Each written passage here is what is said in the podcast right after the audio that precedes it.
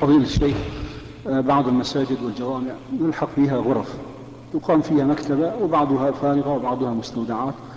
هذه الغرف ضمن آه، سوار المسجد فهل يصح الاعتكاف فيها؟ وهل تعتبر مثابة القبة التي أمر النبي صلى الله عليه وسلم بضربها عندما أراد الاعتكاف؟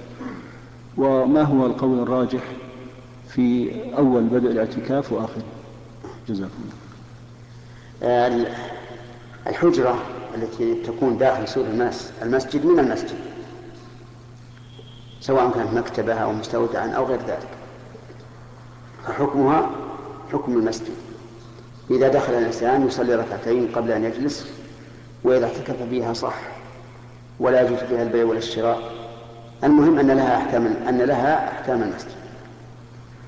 وأما الاعتكاف فالصحيح أنه يدخل معتكفه قبل غروب الشمس ليلة العشرين. يعني يستقبل ليلة واحد وعشرين. قبل أن تغرب الشمس يوم العشرين فيستقبل ليلة الحادي والعشرين.